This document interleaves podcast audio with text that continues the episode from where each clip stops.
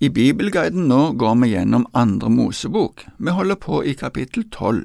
Sist gang så så vi at Moses ga beskjed til israelittene hva de skulle gjøre i forbindelse med den første påskefeiringa. I tilknytning til den festen skulle de feire det som blir kalt usyrede brøds høytid. Sist gang så så vi at da Moses ga folket beskjed om hva og hvordan de skulle forberede seg til påskefeiringen, konkluderte vers 28 med at så gikk israelittene bort og gjorde dette. Det de gjorde var at de slakta påskelammet, brukte blodet til å markere døra til det rommet de var i, og så gikk de inn i det rommet og spiste påskelammet. Dette skulle gi de frelse ifra egypterne. Og i verset før står det at da de hadde hørt det Moses sa, bøyde de seg til jorda og tilba. Kanskje de ikke forsto hvordan dette kunne skje, men det var allikevel et budskap som ga de håp. De hadde jo vært vitne til at i de siste plagene hadde de blitt spart, mens egypterne hadde fått store straffer.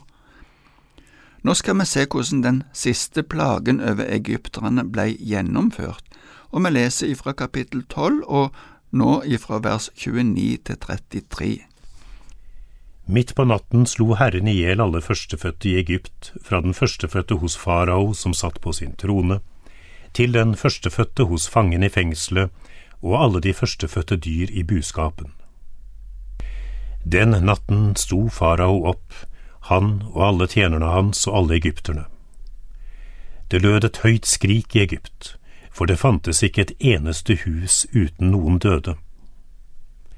Mens det ennå var natt, sendte han bud etter Moses og Aron og sa, Bryt opp og dra bort fra folket mitt, både dere og israelittene.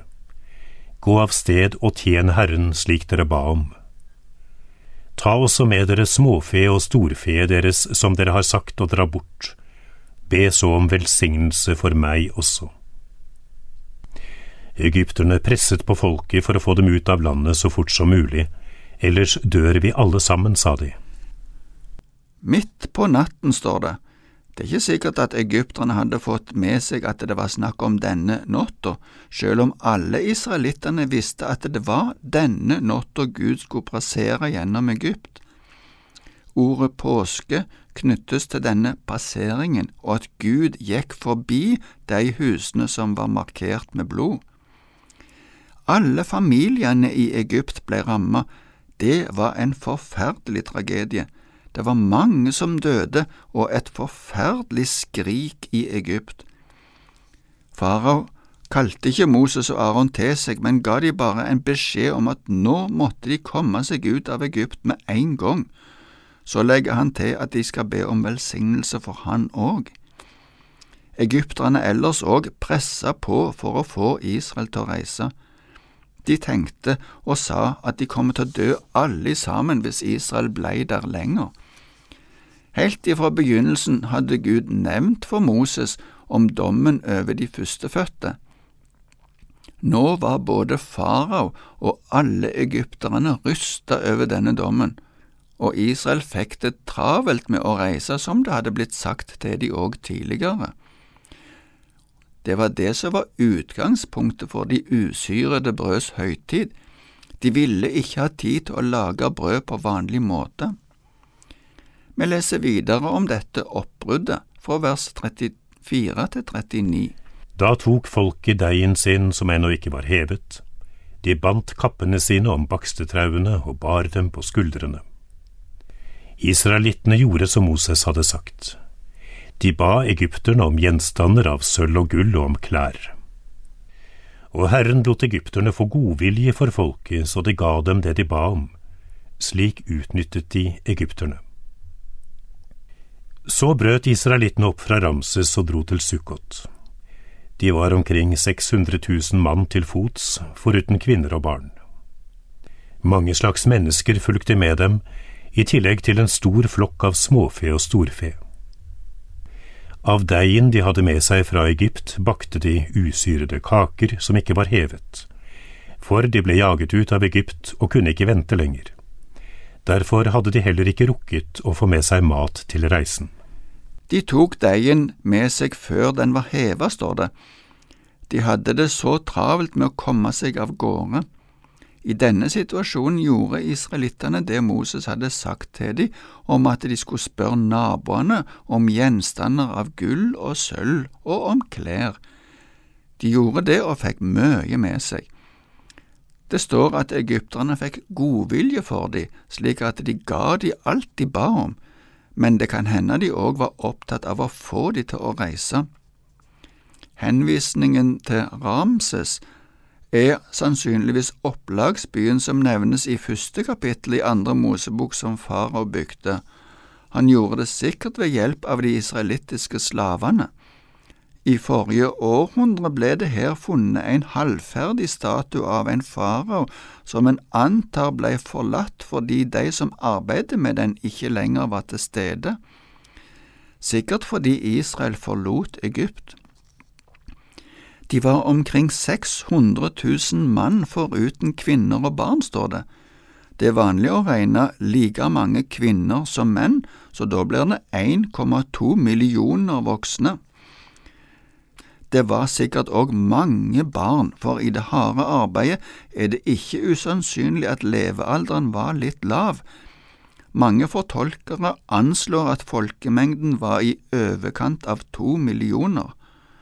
Det er vanskelig å se for seg så mange som samtidig skal gå samme veien, og helst organiseres på en god måte. Organiseringen og vandringen vil vi se på litt etter hvert. Det var nok en del uorden til å begynne med. I tillegg til de to millionene med israelitter står det at det var mange slags mennesker. Norsk Bibels oversettelse sier at det var en blanda folkemengde. Det var nok både egyptere og andre innvandrere i Egypt som tenkte at det kunne være lurt å følge med dette folket som hadde en så mektig gud. Og i tillegg var det en masse dyr, både småfe og storfe. De dro til Sukkot, står det. Det er litt forskjellige meninger om hvor Sukkot ligger, men det er nok i retning av Sinai-halvøya, enten sør-østover eller rett østover. Ordet Sukkot betyr løvhytter og kan bety noe i retning av at det var den første kampen som de hadde. Så lagde de til brød av deigen som ikke hadde fått tid til å heve, for de måtte jo få seg mat. Nå leser vi resten av kapittelet ifra vers 40 til 51. Israelittene hadde da bodd i Egypt i 430 år. På dagen da de 430 årene var til ende, dro alle Herrens hærer ut av Egypt. Det var en våkenatt for Herren da han førte dem ut av Egypt. Denne natten tilhører Herren.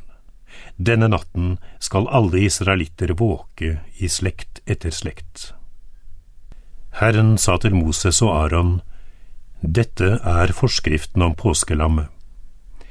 Ingen fremmed skal spise av det, men hver slave som er kjøpt for penger, og som du har latt omskjære, kan spise av det. Ingen fremmed som bor eller arbeider hos deg, kan spise av det. Lammet skal spises i ett og samme hus.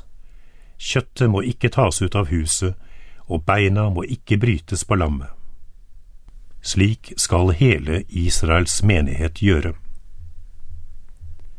Om innflytteren som bor hos deg vil holde påske for Herren, skal alle menn hos ham omskjæres. Da kan han være med og holde høytid. Han skal være som en som er født i landet. Men ingen uomskåret kan spise av det. En og samme lov skal gjelde for den som er født i landet, og for innflytteren som bor hos dere.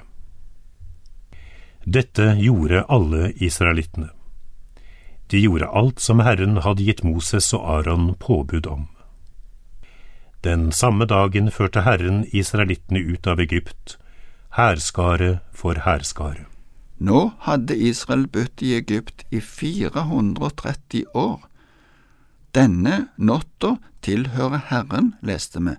Det skulle være en natt som hvert år skulle markeres som ei våkenatt for Israel, en natt med tilbedelse og takk til Gud for frelsen ifra slaveriet.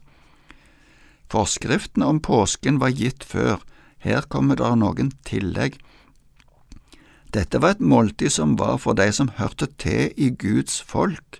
Hvis en slave eller en fremmed skulle få være med, måtte de først bli innlemmet i Israel på normalt vis, for eksempel ved at de ble omskåret. Når det gjelder tilberedning av påskelammet, er det òg understreket at det skal spises i ett og samme hus. Det skal ikke deles opp eller flyttes rundt. Det er et fellesskapsmåltid. Hvis en familie var for liten til å ha et lam alene, så skulle en gå i sammen med en nabo, men ikke dele lammet. Det blir òg understreket at beina ikke skulle brytes. Vi så sist gang at Johannesevangeliet sier at det er en profeti om Jesus. Men nå må vi slutte for denne gang. Takk for i dag.